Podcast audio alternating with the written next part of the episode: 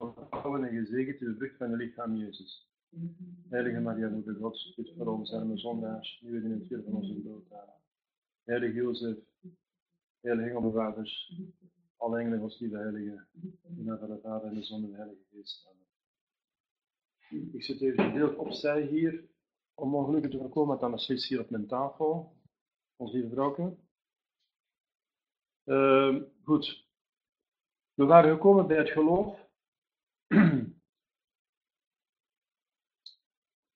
Wat is het geloof?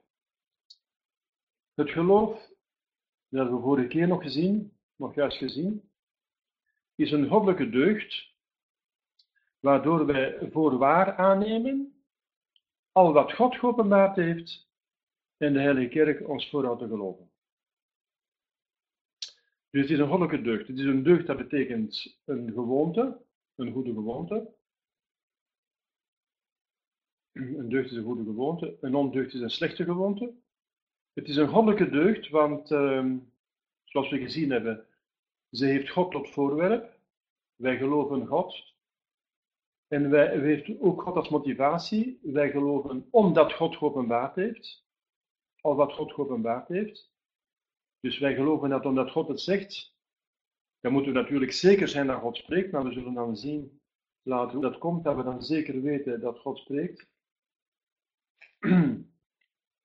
We hebben het al een beetje gezien in verband met de kerk.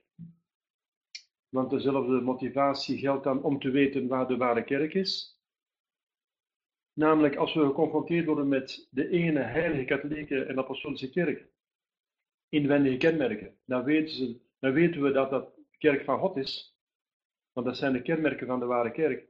En vooral de uitwendige kenmerken heeft onze streken, hebben onze streken uh, bekeerd. Mirakelen en profetieën. De eerste missionaris hier in Vlaanderen was Victrix of Victricius. En die heeft uh, doden opgewekt.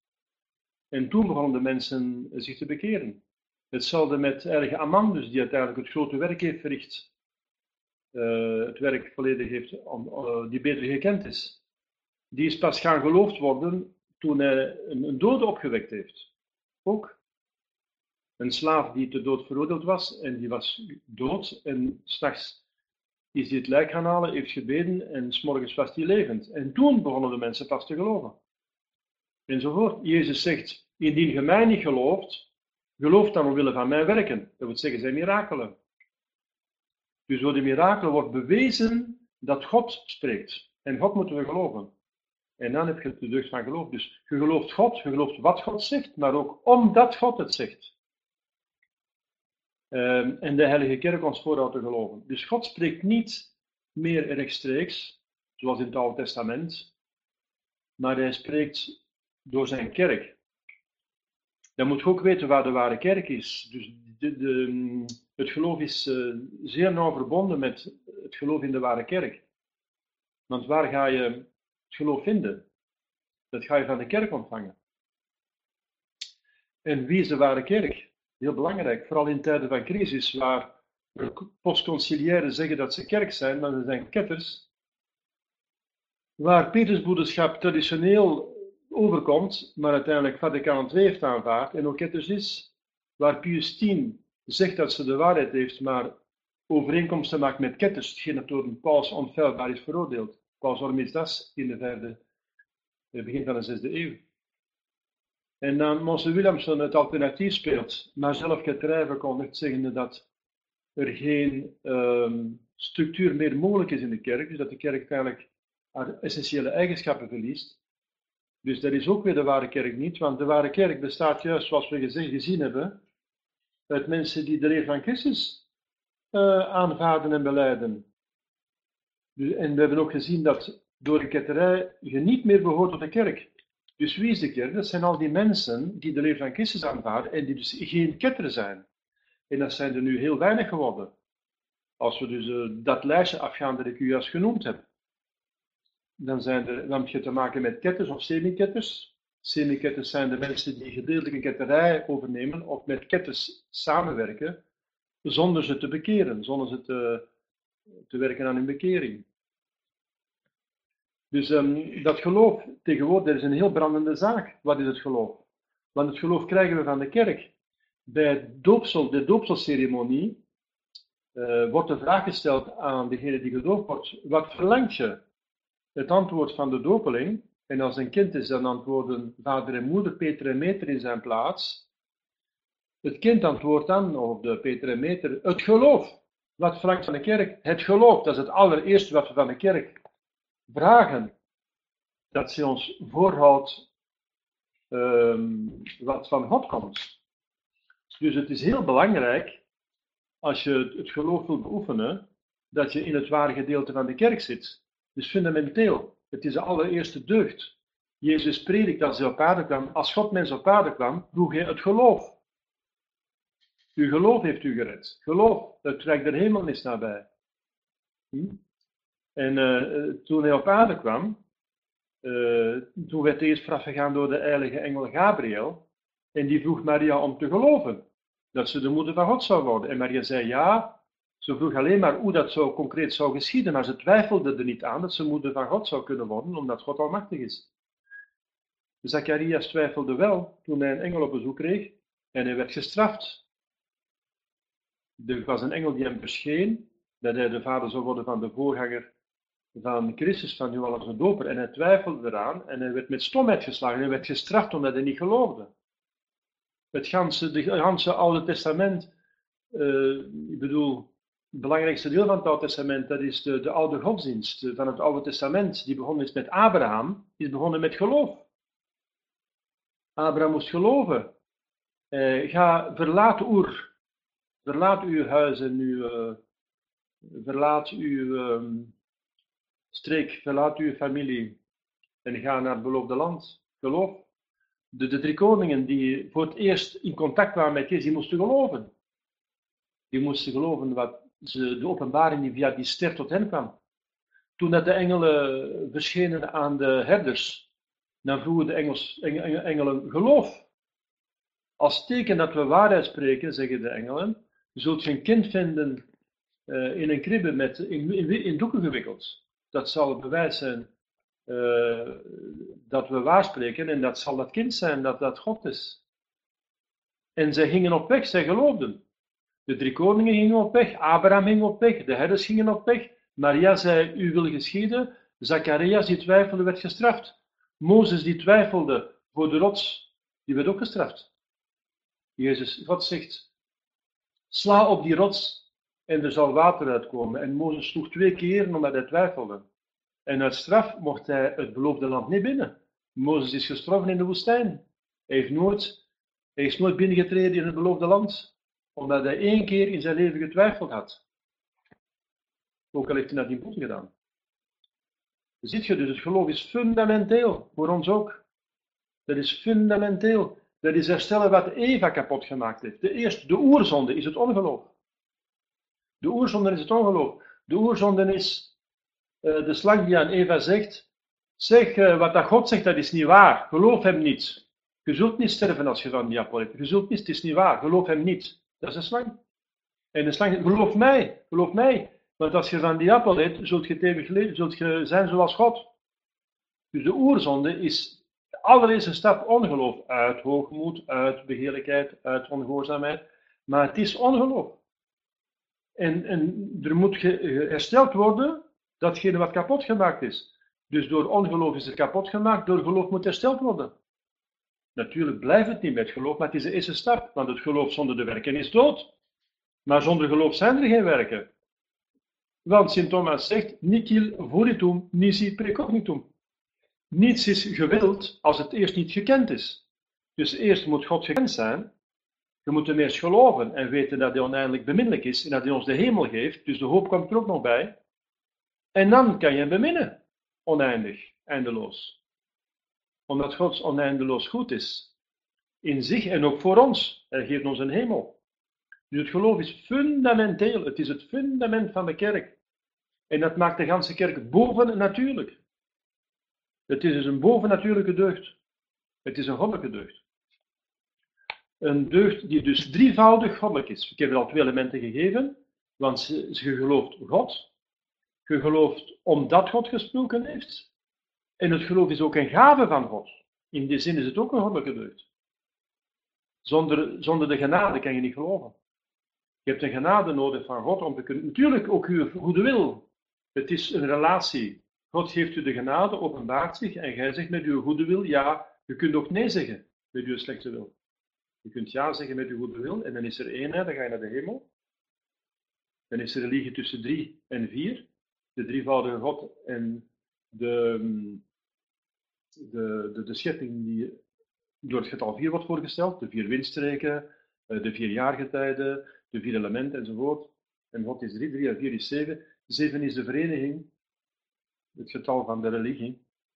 Er is religie als 4 uh, ja zegt. Hè? Als 4 3 aanvaardt. En 3 zoekt om uh, met 4 te zijn, want God houdt van zijn schepping. En dat gebeurt door het geloof bij de redelijke wezens. Want geloof is een functie van het verstand. Het geloof wordt gestort in het verstand. Dus wij moeten met ons uh, ja-woord naar de hemel. Want de hemel is een liefdesrelatie. En de liefde komt van beide kanten. En het ja-woord wordt gegeven door het verstand en door de wil. Het verstand onderwerpt zich aan iets wat het niet begrijpt en niet ziet. Want wat is geloven? Dat is iets aannemen op getuigenis van iemand die geloofwaardig is. Dat is een definitie van het geloof. Bijvoorbeeld als je gelooft wat uh, iemand u vertelt, dat is omdat wat hij vertelt redelijk is, het is mogelijk, en die persoon is geloofwaardig. Het is geen zot, het is geen clown, het is, het is geen grapje, het is uh, dus geloofwaardig, omdat die persoon geloofwaardig is. Uh, hij kan u voor de aap houden, hij kan u bedriegen, maar dan weet je de volgende keer dat hij dus minder, dat hij geen geloofwaardig meer is, dan ga je in de toekomst ook niet meer geloven. Want dan verliest zijn geloofwaardigheid. Daarmee zegt het spreekwoord, ene keer gelogen, altijd leugenaar. Want door te liegen verlies je je geloofwaardigheid. En dan gaan de mensen niet meer geloven. Dus geloven heeft te maken met geloofwaardigheid van de persoon die openbaart. Wel, God is eindeloos geloofwaardig, want hij kan niet liegen. Hij is waarheid. Hij kan niet het tegenovergestelde zijn van zichzelf. Dat is onmogelijk. Dus daarom is God is, is zo geloofwaardig. Daarom is het geloof zeker. Het geloof is niet een veronderstelling zoals de mensen in de spreektaal zeggen: ik geloof dat, dat betekent uh, ik geloof. Ja, het is een mening.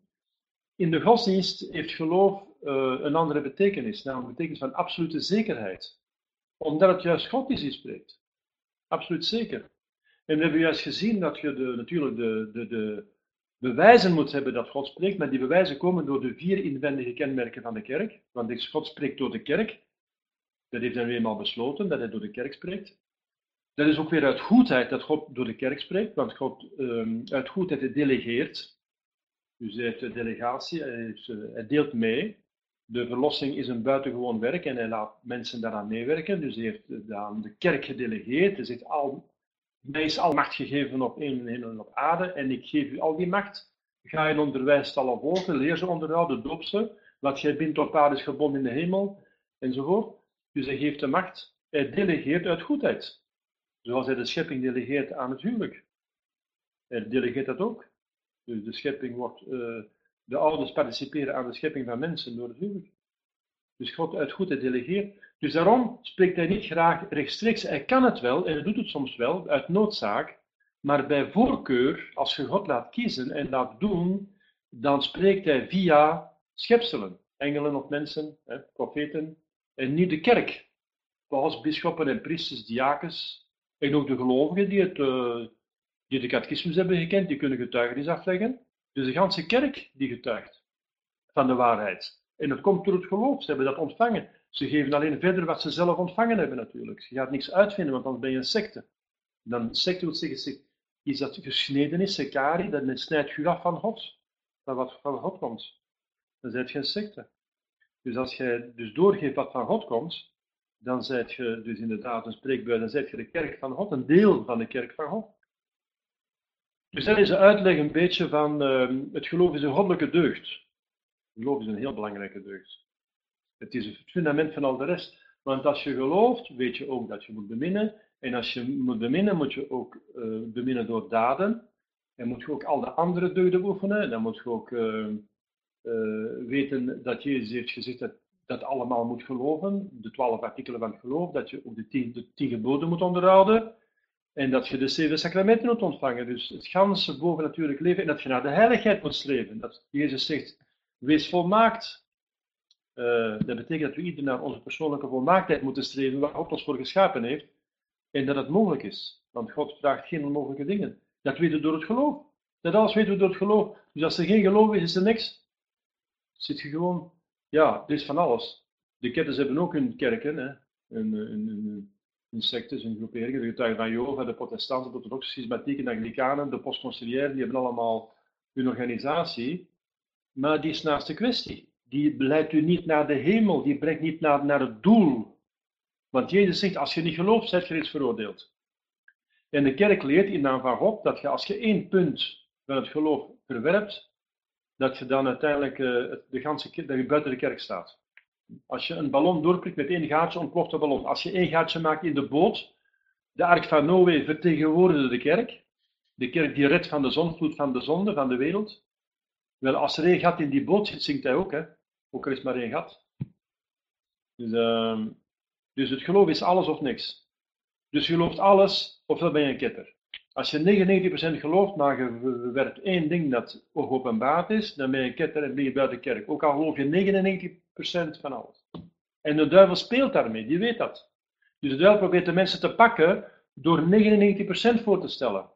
En één ketterij erbij te voegen.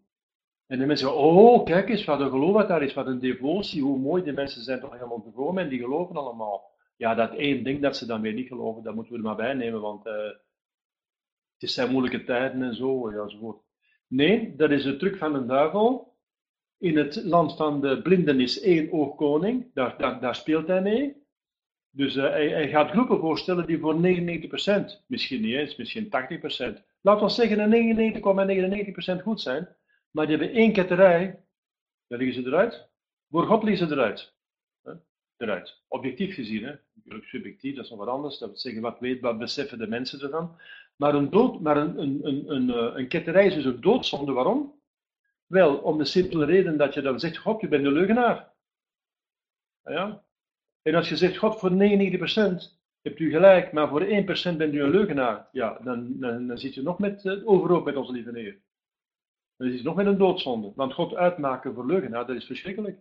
Hij is waarheid. En dat is het diepste van zijn ziel. Want God communiceert door ons via de tweede persoon, Jezus. En de tweede persoon is waarheid. Hij is het woord van God. Hij is het woord. Het woord is mens geworden. Het heeft ons gewoond. Hij is het woord, dus de uitgesproken, de werkelijkheid die de Vader is. God is. De Vader is de werkelijkheid van God. Ik ben die ben. En dat wordt gekend en uitgesproken in God, dat is het woord, de tweede persoon. En dat wordt eindeloos bemind en, en die, die wordt uitgesproken, is de Heilige Geest. Dat is de drievuldigheid. Dus de innigste wezen van Jezus is waarheid zijn. Daarom is de, de leugen die tegen die waarheid is, dat is het ergste van allemaal. Want dat, dat raakt hem het intiemste van zijn wezen. Daarom is ketterij zo erg. Ketterij raakt uh, want wat is een ketterij? Een ketterij is een, een geloofswaarheid die openbaard is, veel, uh, dus uh, ontkennen. Dat is een uitspraak die tegenstrijdig is met een of andere geopenbaarde waarheid. Tegen een of andere bron van het geloof. Dus daarom is het geloof een goddelijke deur, maar ik zou zeggen een fundamentele goddelijke deugd. Waardoor wij voor waar aannemen dus wij, er is, ook al zien we het niet, we zien niet dat God drievuldig is, maar we nemen het voor waar aan en we sterven er zelfs voor. Voor waar aannemen, al, zit je al. Niet 99%, maar alles. Alles. Anders is het niet geloof. Al. Dus ieder woordje, dat is een, een monument, deze catechismus. Ieder woordje heeft zijn volledige waarde. Al wat God geopenbaard heeft en de Heilige Kerk ons voorhoudt te geloven. Dus die openbaring gebeurt door delegatie, door goedheid, door de kerk. Maar de ware kerk natuurlijk, degene die trouw is gebleven aan die missie. Want de kerk, niet de kerk als zodanig, maar mensen in de kerk kunnen ontrouw worden. Ketters gehad vanaf het begin. In de tijd van Paulus waren er al ketters. Paulus heeft heel veel, de meeste van zijn brieven zijn voor het grootste gedeelte geschreven tegen ketters. tegen Joden die bekeerd waren, maar half bekeerd en die nog elementen van het Oude Testament in het Nieuwe Testament wilden voegen, die nog wilden dat iedereen besneden zou worden, die, die bekeerde, enzovoort. En um, Johannes ook, die heeft zich tegen Marcion, hè, de, de, de, ketterij, dus de Nicolaïten, in, in de Apocalyps beklaagt Jezus zich over de ketters. Uh, de, de, de, de, zeven luchters, hè, de zeven gemeenten, die, die eerste brieven, die zeven brieven aan de zeven gemeenten, de, aan, de aanhef van de apocalyps, daar heeft Jezus het ook tegen ketters. Er zijn altijd ketters geweest in de geschiedenis van de kerk. Vooral toen de kerk uit de catacomben kwam, dan heeft het, uh, er waren zoveel ketters dat God zoveel kerkvaders heeft opgewekt om uh, die ketterij te weerleggen. En dan kwamen er zoveel concilies telkens. Alle concilies in de geschiedenis van de kerk zijn vooral bijeengeroepen om de ketterij te weerleggen. Alle kerkvaders zijn door God opgewekt, niet alleen om het geloof te ontwikkelen, maar ook om de ketterij te willen. Die soms heel geniepig waren en heel uh, ingewikkeld. Want de duivel is een slang, een buitengewone intelligentie die geniepig te werk gaat. En de duivel weet het allemaal, dat je door één ketterij verdoemt. Tenminste, als je beseft, hè, volle kennis en volle toestemming voor een doodzonde. Dus het, ongeloof is een doodzonde. Uh, op voorwaarde dat je natuurlijk aan de voorwaarden van uh, de doodzonde voldoet, spijtig genoeg. Dus, uh, een ernstige zaak, volle kennis, volle toestemming. Maar het is een ernstige zaak. Dan de tweede vraag. Mogen wij, of antwoord, vraag met antwoord. Mogen we twijfelen aan de ene of de andere waarheid van ons geloof? Ja, dat heb ik u al uitgelegd, dus dat is, uh, u kunt het antwoord dat. Aan geen enkele, geen enkele waarheid van ons geloof mogen we twijfelen. Dus dat tegen de vrijwetselaarij die zegt, de twijfel is belangrijk. Zonder twijfel gaat verstand dood. Dus, dus de, de, de systematische twijfel van de loge. Je je moet altijd op zoek zijn naar de waarheid, maar het is verboden van ze te vinden, bij wijze van spreken. En dat hebben ze in de kerk binnengebracht. Hè. We moeten altijd twijfel zijn, we zijn samen onderweg. Hè. Maar we komen nooit aan uiteindelijk. Je bent eeuwig onderweg en je komt nooit aan. Dat is eigenlijk de, de, de, de vrijmetselaars idee. Je mocht twijfelen. Hè. Twijfelen is een teken van, eh, van verstand, dat je niet zomaar klakkeloos aanneemt. Zo wordt het voorgesteld. En wel, de twijfel is weer een duivelse vaststuk, dat is een, een, eh, een doodzonde, hè? dat is een zonde tegen het geloof. Wat het geloof betreft natuurlijk, je mocht twijfelen aan dingen die twijfelachtig zijn. Maar als je weet dat God geloof heeft, mag je toch niet twijfelen dat het de waarheid is. Dus aan geen enkele waarheid van ons geloof mogen we twijfelen, maar de gehele openbaring. En iedere waarheid in het bijzonder moeten, moeten we geloven. Dus dat is straf, hè?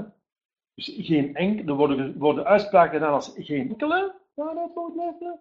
De gehele openbaring en iedere waarheid in het bijzonder moeten we geloven. Om tenminste in staat van genade te blijven, om, om, om, naar de hemel te kunnen gaan. Want dan zegt Jezus, uh, ik geloof wel, maar dat punt dat is zoals op de Areopaag. Dat stond Sint Paulus te prediken en ja, dat namen ze wel aan. Ja, ja, er is een God die alles geschapen heeft. Ja, ja, en die overal uh, beweging en het leven geeft. Ja, ja, ja.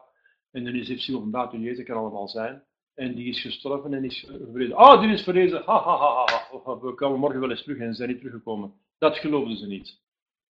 Dat iemand verrezen is. Dat iemand een dode terugkomt. Ha, ha, ha, ha. Dat geloofden ze niet. Ja, en uh, ja, dus die zijn, uh, dus ze geloofden alles behalve dat. Uh, dus dan zijn het geen gelovigen, hè. Iedere waarheid. Niet je? Dat is belangrijk om dat te weten, want de, de grootste ellende nu in de kerk, en omdat de kerk in crisis is, is ook de hele wereld in crisis, want Jezus zegt, als het zout zijn kracht verliest, waarmee zal de wereld dan gezouten worden? Dus de hele wereld lijdt verschrikkelijk onder het feit dat de kerk niet goed functioneert. En de kerk functioneert niet goed omdat er ketterij niet geslopen is. En dat is begonnen met de infiltratie van de loden. En dat is zich gemanifesteerd met Johannes 23, die gezegd heeft, we gaan niks meer veroordelen, dus we gaan de ketterij toelaten uiteindelijk. En nadien is ze dus in de ketterij gekomen met Vaticanum II, is dan de ketterij inderdaad binnengedrongen. Want Monsel Lefebvre heeft een boek geschreven, ze hebben hem onttroond. Dus hij heeft bewezen dat ze het koningschap van Christus niet aannemen. Nu mijn vraag aan u, u kent toch uw catechismus, is het koningschap van Christus uh, geopenbaard, ja of nee? Natuurlijk is dat geopenbaard. Jezus zegt zelf, ik ben koning. Het staat zelfs in het Oude Testament, hij zou een vredeskoning zijn. Staat volop in de Heilige Schrift dat hij koning is. Hij is God, waarom zou hij dan geen koning zijn? Koningschap van Christus, dat is een dogma, dat, is, dat, is, dat staat in de Heilige Schrift, hij heeft het zelf gezegd. Maar hij zegt, mijn koningschap is wel gebaseerd op de waarheid. Ik ben gekomen om getuigenis te geven van de waarheid. Maar ik ben koning. Natuurlijk is hij koning. Hij is koning van de harten, van de verstanden, van alles. Maar bij de God is hij ook koning. Zelfs keizer. En, en, en ze hebben hem ontroond. Ja, dat is toch een bewijs dat ze ketters zijn. Ze, dat betekent Vaticaan II, hebben hem ontroond. Ja. En dan Nostra Aetate zegt, er zijn elementen van waarheid en heil in alle godsdiensten. En heilige schrift zegt Sint Petrus, er is geen heil in geen andere. Geen heil. Enzovoort, enzovoort. En Raatzinger die zegt in zijn boek uh, dat Gaudium met spes een contasyllabus is. En de syllabus is onfeilbaar van Pius IX. Hij zegt zelf dat het tegenstrijdig is. Er zijn drie kleine, uh, maar harde bewijzen, drie van de vele bewijzen, dat Vaticaan II ketters is. Ketters is. Dus, dus de, de, kerk gaat kapot. Ze kan niet kapot gaan, maar ik begrijp, de kwantiteit van de kerk gaat kapot. Een groot deel van de kwantiteit van de kerk wordt verleid tot een heel klein groepje. Want wie beantwoordt aan dit, deze vraag van de catechismus? Namelijk wie ter wereld uh, twijfelt aan geen enkele waarheid van de geloof en aanvaardt de ganse openbaring en iedere waarheid in het bijzonder. Wie? Er zijn er, maar ze zijn niet zo talrijk. Want wie gelooft bijvoorbeeld aan het veelvuldig dogma, veelvuldig uh, opgeleide dogma, buiten de kerk geen heil? Hoort zeggen, ja, maar iedereen kan zich redden in zijn godsdienst. Dat is een ketterij. Hm? Wie gelooft dat Maria maagd is? Dat is drie keren uitgeroepen als dogma. Twee keer door een paus en één keer door een concilie. Maria is maagd voor, onder en na de geboorte van Jezus. Fysisch maagd. Dat is een dogma. Dus Jezus heeft zijn moeder gerespecteerd. Respecteert, armelijkheid respecteert en is uit daar gegaan zoals hij in het cenakel binnen en buiten gaat, door de muren heen. Zoals de lichtstraal door de, door de ruiten schijnt, zeggen de kerkvaders. Zo, is Jezus uit zijn moeder gegaan. Met een dogma's. Wie, wie, wie gelooft dat nog? Praktisch niemand, weinige mensen, wel die weinige mensen zijn de kerk. Want de, er staat ook een, een, vraag in de catechismus, wie is niet kerk? Degene die ketter is. En was een ketterij een tegenspraak aanvaarden tegen de openbare waarheid. Je zegt geloofd, als je niet gelooft, zijt je reeds veroordeeld. Dus heel belangrijk deze vragen, want ze raken het fundament van de crisis. Het fundament van de crisis. Wij moeten ons geloof, daarom nog deze, cursus, wij moeten ons geloof kennen en we moeten het geloven. Hoe kan je geloven iets wat je niet kent? Dus de eerste grote, grote, grote, grote, grote, grote plicht is uw catechismus te kennen. Op straffen van doodzonde is men verplicht om zijn catechismus te kennen. En op zijn niveau. Dus je hebt dat misschien geleerd toen je 12 jaar oud was, maar nu bent u misschien 40, 50, 60, weet ik veel, 30, hangt er vanaf. U bent veel ouder, de meesten die naar mij luisteren. Wel, uw geloof moet op uw niveau staan van uw verstand. Dat staat daar ook in, dat hebben we al gezien tevoren, we hebben die gezien, die vragen. Moet men, uh, is het voldoende dat men eenmaal zijn catechismus heeft geleerd? Is het genoeg? Vraag 5. Eens de christelijke leer geleerd hebben. Nee, het is niet genoeg de christelijke leer eens geleerd te hebben. Heel ons leven moeten wij ze onthouden en altijd beter trachten te begrijpen. Moeten moeten wij. Tenminste, als we naar de hemel moeten gaan. God geeft geboden. Hij geeft ons allerlei richtlijnen van zijn wil. En wij moeten ja zeggen. En dan verenigen we onze wil. Door het geloof verenigen we ons verstand. En door de geboden onthouden onze wil. En dan zijn we één uitdrukking van liefde. En dan komen we in de hemel terecht. Moeten in die zin. Als je naar de hemel wilt gaan, moet je dat doen. Als u, uh, als u op plaats X bent, u bent ergens in Antwerpen en u wilt naar Breda, of u wilt naar Brussel of naar Parijs, dan moet u Antwerpen verlaten. Moeten. Anders raak je nooit in Breda, nooit in uh, Brussel, nooit in Parijs. Dus als u een doel wil bereiken, moet u de middelen gebruiken. Moeten. Want de mensen horen niet graag moeten meer. Hè? Ja, waarom niet? Omdat ze hun wil, hun vrije wil uitgeroepen hebben tot een afgod. En een afgod die raken niet aan. is heilig. Die raak je niet aan. Het is geen afgod, het is een middel. Uw wil is een middel om zalig te worden. Dus we moeten, Jezus zegt niet, ja, u bent vrij om te geloven of niet. Hè? U bent vrij om het geboden te onderhouden of niet. U bent niet vrij. Psychisch en fysisch bent u vrij, maar niet moreel. Er is geen morele vrijheid om het kwaad te doen. U bent niet vrij om morgen een, of vanavond een, een dolk in de rug van uw buurt te planten. U hebt de psychologische en de fysische vrijheid. U kan het doen, maar u mag het niet. Dus u moet er vanaf blijven. Er is een moeten, ja. Een heilig moeten. Dus ook weer die rebellale duivelse geest die van moeten niet houdt. En de duivel zegt, ik zal niet dienen. Je moet niks. Ik ben vrij. Ik doe wat ik wil. Dat is die duivelse geest tegenwoordig die het moeten uh, hatelijk maakt. Er is een heilig moeten. Natuurlijk is er ook een duivels moeten. Tyrannie. Hè, dus je moet politiek correct zijn tegenwoordig. Hm. Dus ja. Volgende vraag. Waarom moeten we vast geloven? Want dat heet dus vast geloven. Dat betekent geloven zonder twijfel, deugdzaam geloven. Waarom moeten we vast geloven?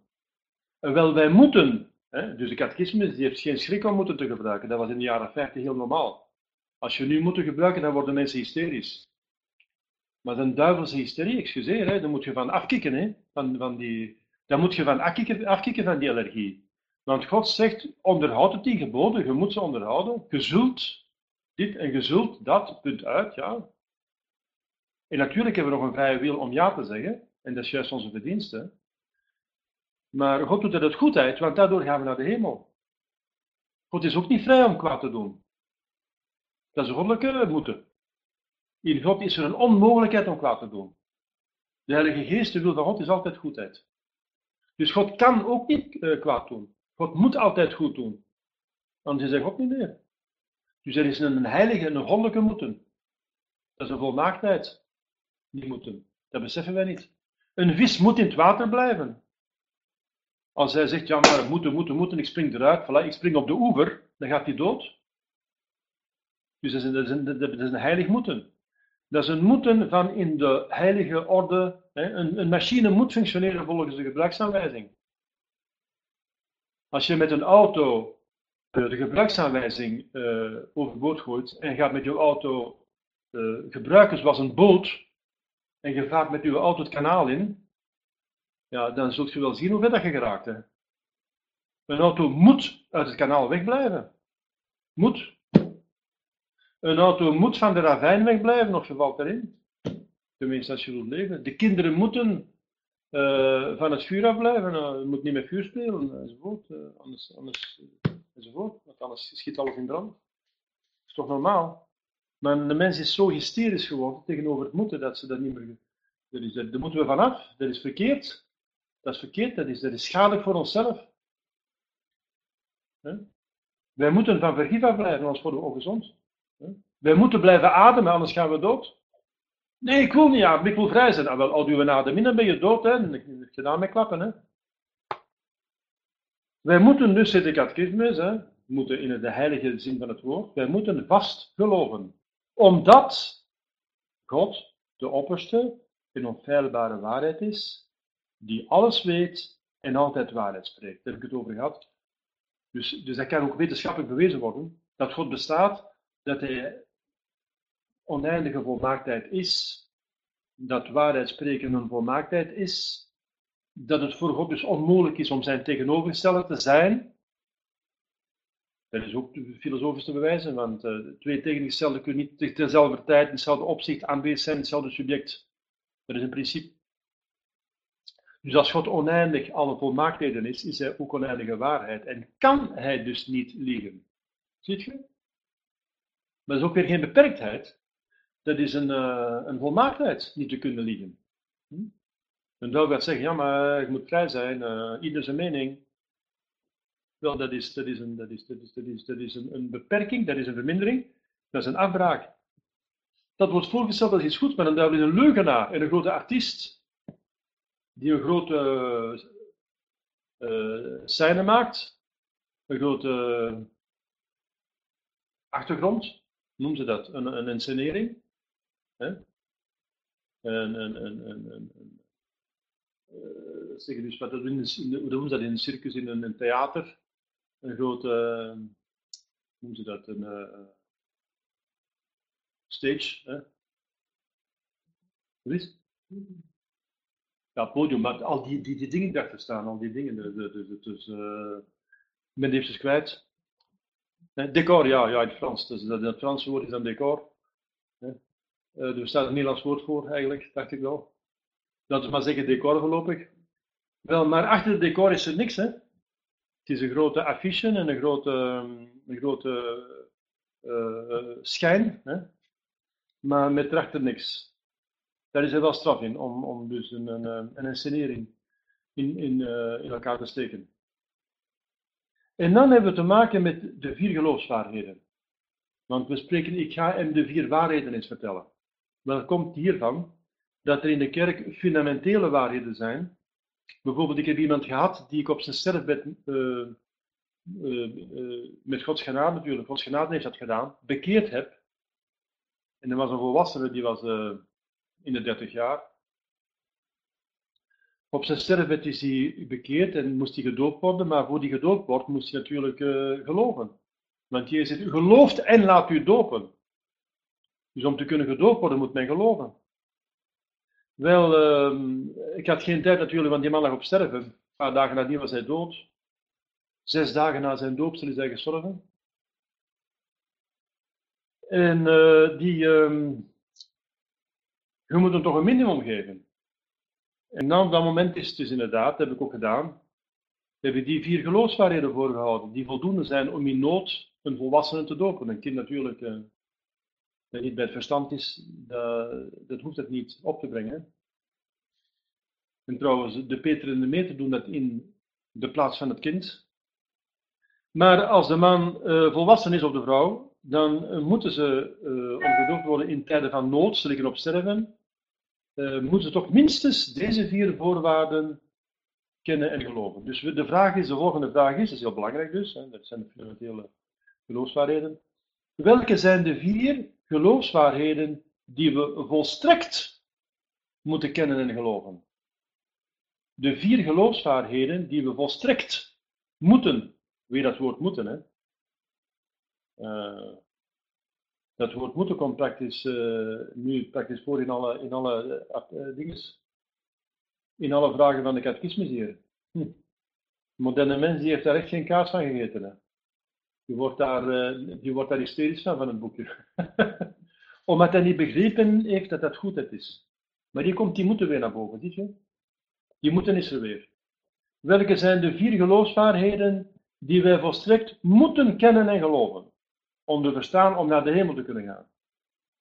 Of in het geval dat ik heb voorgehad, om gedoopt te kunnen worden, maar datzelfde, want de doopsel is natuurlijk de, de gates, de, de, de, de poort naar de hemel. De vier geloofsvaardigheden die wij volstrekt moeten kennen en geloven zijn, dubbel ten eerste dat er één God is. Dat er één God is. Dat kun je ook al wetenschappelijk bewijzen. Door Aristoteles hebben we dus wetenschappelijk bewezen dat er één God is. Maar voor de mensen die bij die, bij die bewijzen niet goed bij kunnen, dan moet het geloven. Dat God bestaat, dat hij één is, kan je eigenlijk gemakkelijk bewijzen. In de, in de theodicea, in de natuurlijke godsdienst. Maar ja, goed.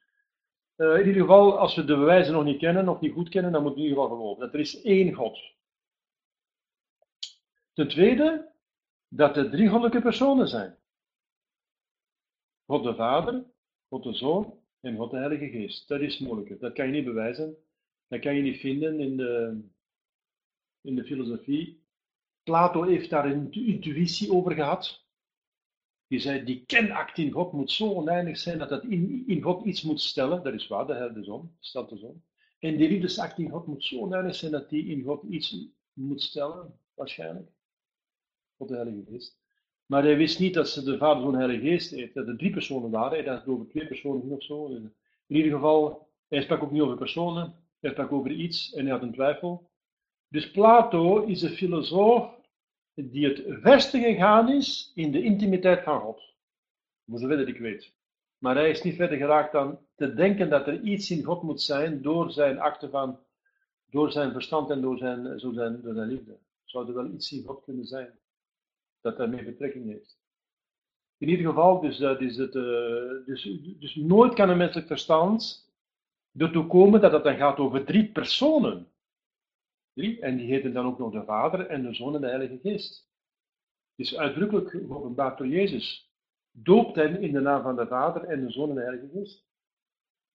Dat is een uitdrukkelijke uh, openbaring door Jezus Christus. Wat dat juist is, hebben we gezien. We hebben gezien uh, onder de twaalf artikelen, want de twaalf artikelen beginnen met ik geloof in God de Vader, schepper van hemel en aarde, en in Jezus Christus, de Zoon, en dan wat verder in de Heilige Geest. Dus de we hebben dat gezien, de twaalf artikelen eigenlijk een uitleg is van de heilige Van wat ze zijn en wat ze doen. En dan ten derde, de derde geloofswaarheid die wij volstrekt moeten kennen en geloven is, dat God de Zoon is mens geworden en ons door zijn dood heeft verlost. Dus de tweede persoon heeft een menselijke natuur aangenomen en die, die als mens is hij gestorven en daardoor heeft hij de mensheid verlost. Dat moet allemaal, uit, dat is allemaal uitgelegd, want er is heel veel uitleg bij nodig natuurlijk. Hè. Heel veel uitleg bij nodig. Dus we hebben al gezien, hoe, hoe, hoe is hij mens geworden? Heeft een menselijke lichaam en ziel aangenomen, maar geen menselijke persoonlijkheid. Dus hij is mens zoals wij, behalve hij heeft geen zonde en geen menselijke persoonlijkheid. Dat hebben we allemaal gezien. Die gaan we nu niet allemaal herhalen, maar dat zijn dus dingen die dus moeten uitgelegd worden, maar hier is het fundamenteel. Het fundamentele gedeelte is dit. Dat moet men geloven om kunnen gedoopt worden in tijden van nood. Ten vierde, dat God de beloner is van het goede en de bestraffer van het kwade. Eigenlijk weet iedereen dat min of meer in zichzelf.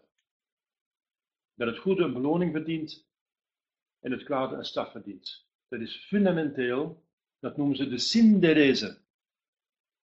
De mens heeft in zijn verstand, praktisch verstand, het geweten dat zegt wat je moet goed doen en slecht doen. Uh, en de synderese Ehm, dat heet dan de, dat, dat is dan de, dus de, de, de, een andere naam ervoor. Dat is dus de, de, de basis van het geweten. Want het geweten gaat specifieren. Je mocht niet stelen, je mocht niet bedriegen, je mocht niet liegen, je mocht niet uh, moorden, je mocht niet uh, de vrouw van iemand anders nemen, je mocht niet uh, God onteren enzovoort, beledigen. En je moet je ouders leren enzovoort en de kinderen goed opvoeden. Dat zit in iedereen's geweten min of meer. Maar de synderese is dan de basis van dat geweten, dat dan zegt, je moet het goede doen en het kwade laten. Dat is fundamenteel. Want het goede doen, dat doet goed. Dat doet goed, dat doet deugd. Dat, dat doet goed, dat, dat, dat, dat, brengt een beloning met zich mee. En het kwade doen, dat doet kwaad. En dat brengt het kwade met zich mee. Een straf, een lijden, enzovoort. Dat is fundamenteel. Maar God is daar eigenlijk de, het principe van. Dus God is het, is, dat komt doordat God zo is. Omdat God rechtvaardigheid is. En rechtvaardigheid is een volmaaktheid. Anders zou onrechtvaardigheid eh, goed zijn, en dat is niet waar. Onrechtvaardigheid is onverdraaglijk. Iedereen. Er zijn weinig mensen, praktisch niemand verdraagt onrechtvaardigheid. Dat betekent juist dat rechtvaardigheid een deugd is. En God is alle deugden, alle volmaaktheden, dus God is rechtvaardigheid. Dan de volgende vraag. Volstaat het deze vier voornaamste waarheden te kennen? Ja, zoals ik gezegd heb in tijden van nood wel, maar normaal gezien niet. Dus het antwoord is nee, het volstaat niet deze vier voornaamste waarheden te kennen, we moeten natuurlijk uh, nog meer kennen.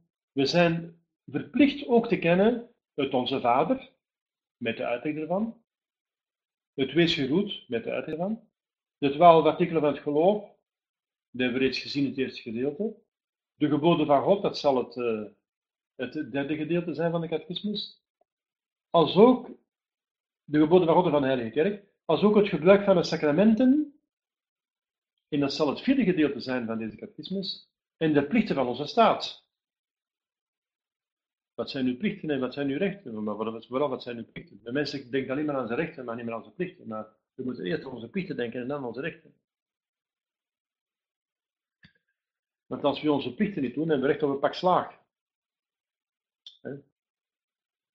Dus een plichten van onze staat betekent een kind heeft rechten en plichten, heeft plichten van kind, plichten van ouders, plichten van uh, iemand die getrouwd is, iemand die niet getrouwd is, iemand die werkt, iemand die uh, de plichten van een priester, de plichten van een broeder, de plichten van, uh, van iemand in een bepaalde functie, de plichten van een politieagent, de plichten van een dokter, de plichten van een buschauffeur, hè, enzovoort. Iedereen heeft plichten van staat. Dat is eigenlijk uh, de hele catechismus. Dus we zijn niet alleen, wij moeten niet alleen die vier geloofswaarheden, fundamentele geloofswaarheden kennen, de vier waarheden zoals men zegt, maar we moeten de hele kennen uiteindelijk. Maar dat zijn juist onderdelen van het catechismus. De twaalf artikelen, die geboden, zeven sacramenten, uh, de uitleg van onze Vader en twee goed, en de plichten van staat, de geboden van de Heilige Kerk. Dat is allemaal, dat is uiteindelijk de catechismus. Daar zijn we nu mee bezig. Volgende vraag. Wanneer moeten we openlijk getuigenis geven van ons geloof? Ah ja, dat is tegenwoordig ook erg moeilijk, want we leven in tijden van geloofsafval. En Jezus zegt ook, je moet geen palen voor de zwijnen werpen. Dat betekent mooie dingen zeggen aan mensen waarvan je op voorhand weet dat ze zullen verwerpen. Zoals, zoals zwijnen, die, die herkennen die paal niet en die, die, die trappen erop en die, wat dat. Die waarderen dat niet, die kennen de waarde niet van een parel. Uh, je moet geen palen voor de zwijnen werpen. Dat moet zeggen, je moet geen getuigenis afleggen van geloof voor mensen waarvan je zeker weet dat ze het niet gaan aannemen. Maar als er dan mensen bijstaan die daardoor gescandaliseerd natuurlijk, dus dat bijvoorbeeld er is iemand die zegt, oh, God bestaat niet om die en die reden, valse reden. Dan kun je zeggen, ja, het is onbegonnen werk om met iemand te spreken, want het is iemand die half dronken is en uh, het is, uh, blijkbaar is hij niet volledig vatbaar. Maar als daar kinderen bij staan of andere mensen die dus zouden gescandaliseerd worden, moet u spreken omwille van die mensen en die kinderen. Dat wel. Dus er is nog een, eh, een, een, een uh, opmerking bij het feit dat men geen palen voor de zwijnen moet werpen, maar men moet ook rekening houden met de omstaanders.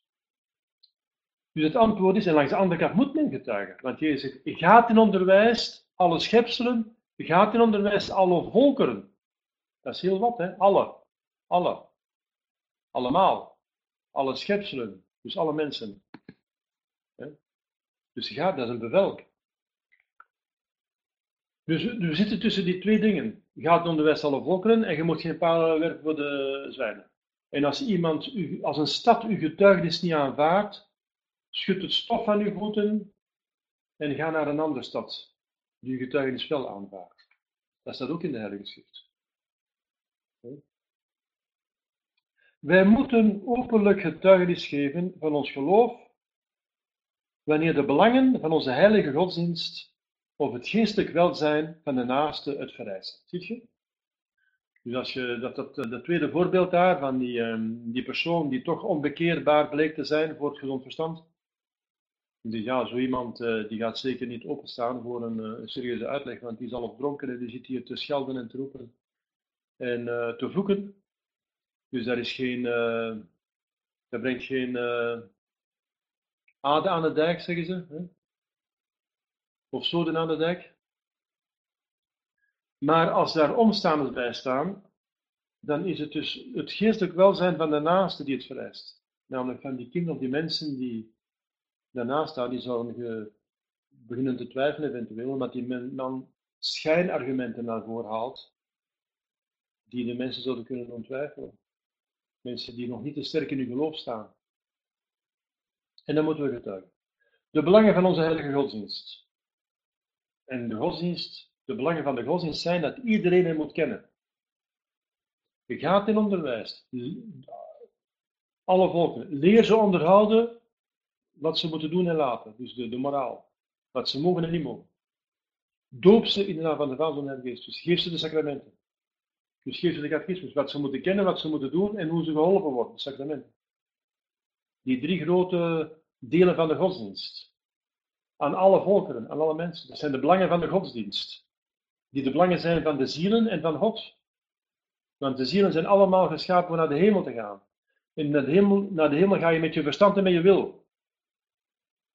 Met je verstand en met je, niet met je zijn. Je bent mens, maar dat betekent niet dat je naar de hemel gaat. Er zijn ook mensen en engelen, spijt nog in de hel. Dus met je zijn ga je naar de hemel. En met je doen. En je doen vooral met verstand en wil. Dat is het edelste van je doen. Wat u mens maakt, dat is het verschil tussen u en de dieren. De dieren hebben geen verstand en wil. Dus je gaat naar de hemel, wat de dieren niet kunnen. Met wat specifiek van u is verstand en wil. Dus met verstand onderwerpen naar God, dat is geloven. En u wil onderwerpen naar God, dat is zijn geboden onderhouden en zijn sacramenten gebruiken. Dus zo ga je naar de hemel. En iedereen moet naar de hemel gaan.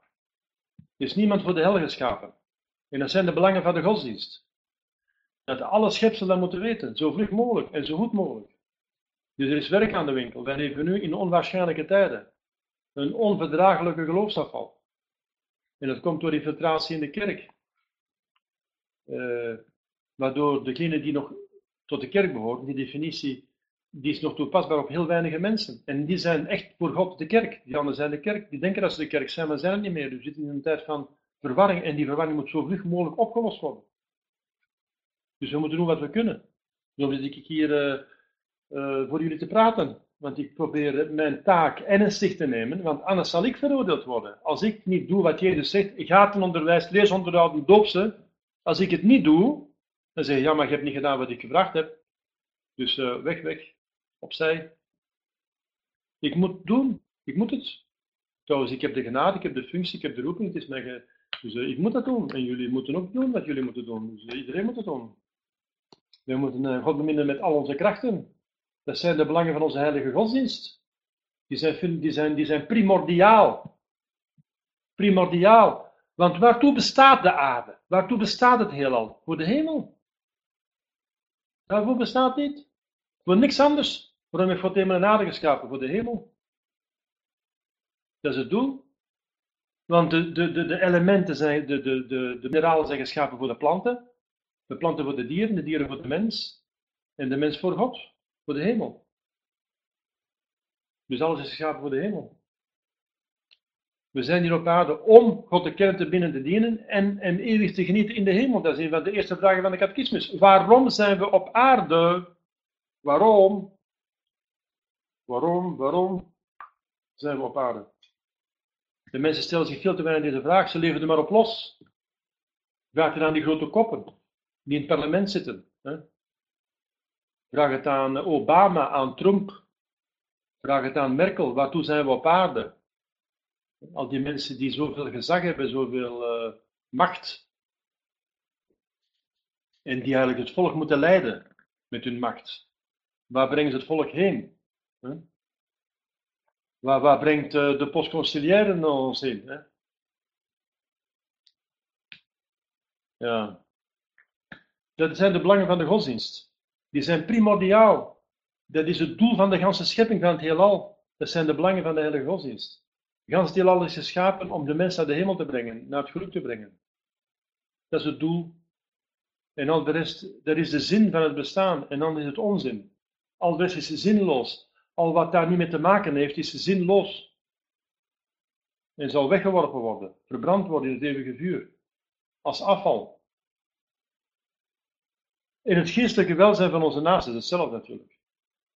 Het geestelijk welzijn van onze naasten, dat is juist dat ze de godsdienst kennen en beoefenen en uh, hulp, geholpen worden om het te volharden tot het einde toe.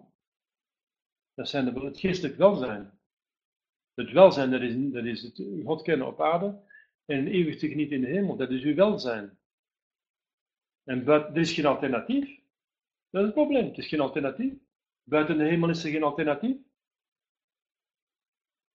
De hel is toch geen alternatief? Zo, uh, ik heb nu meer dan een uur gesproken.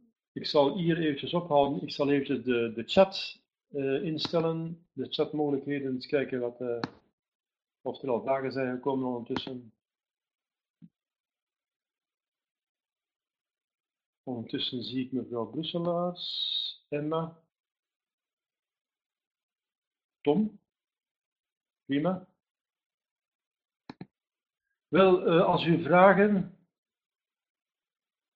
hebt, kunt u ze op de chat die nu links van het scherm staat aanbrengen.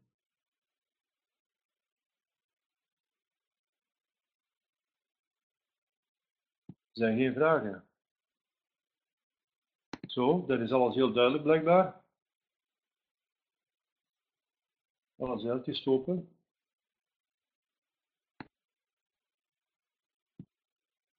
Prima. Als alles heel duidelijk is, dan uh, maken we een afspraak voor de volgende cursus.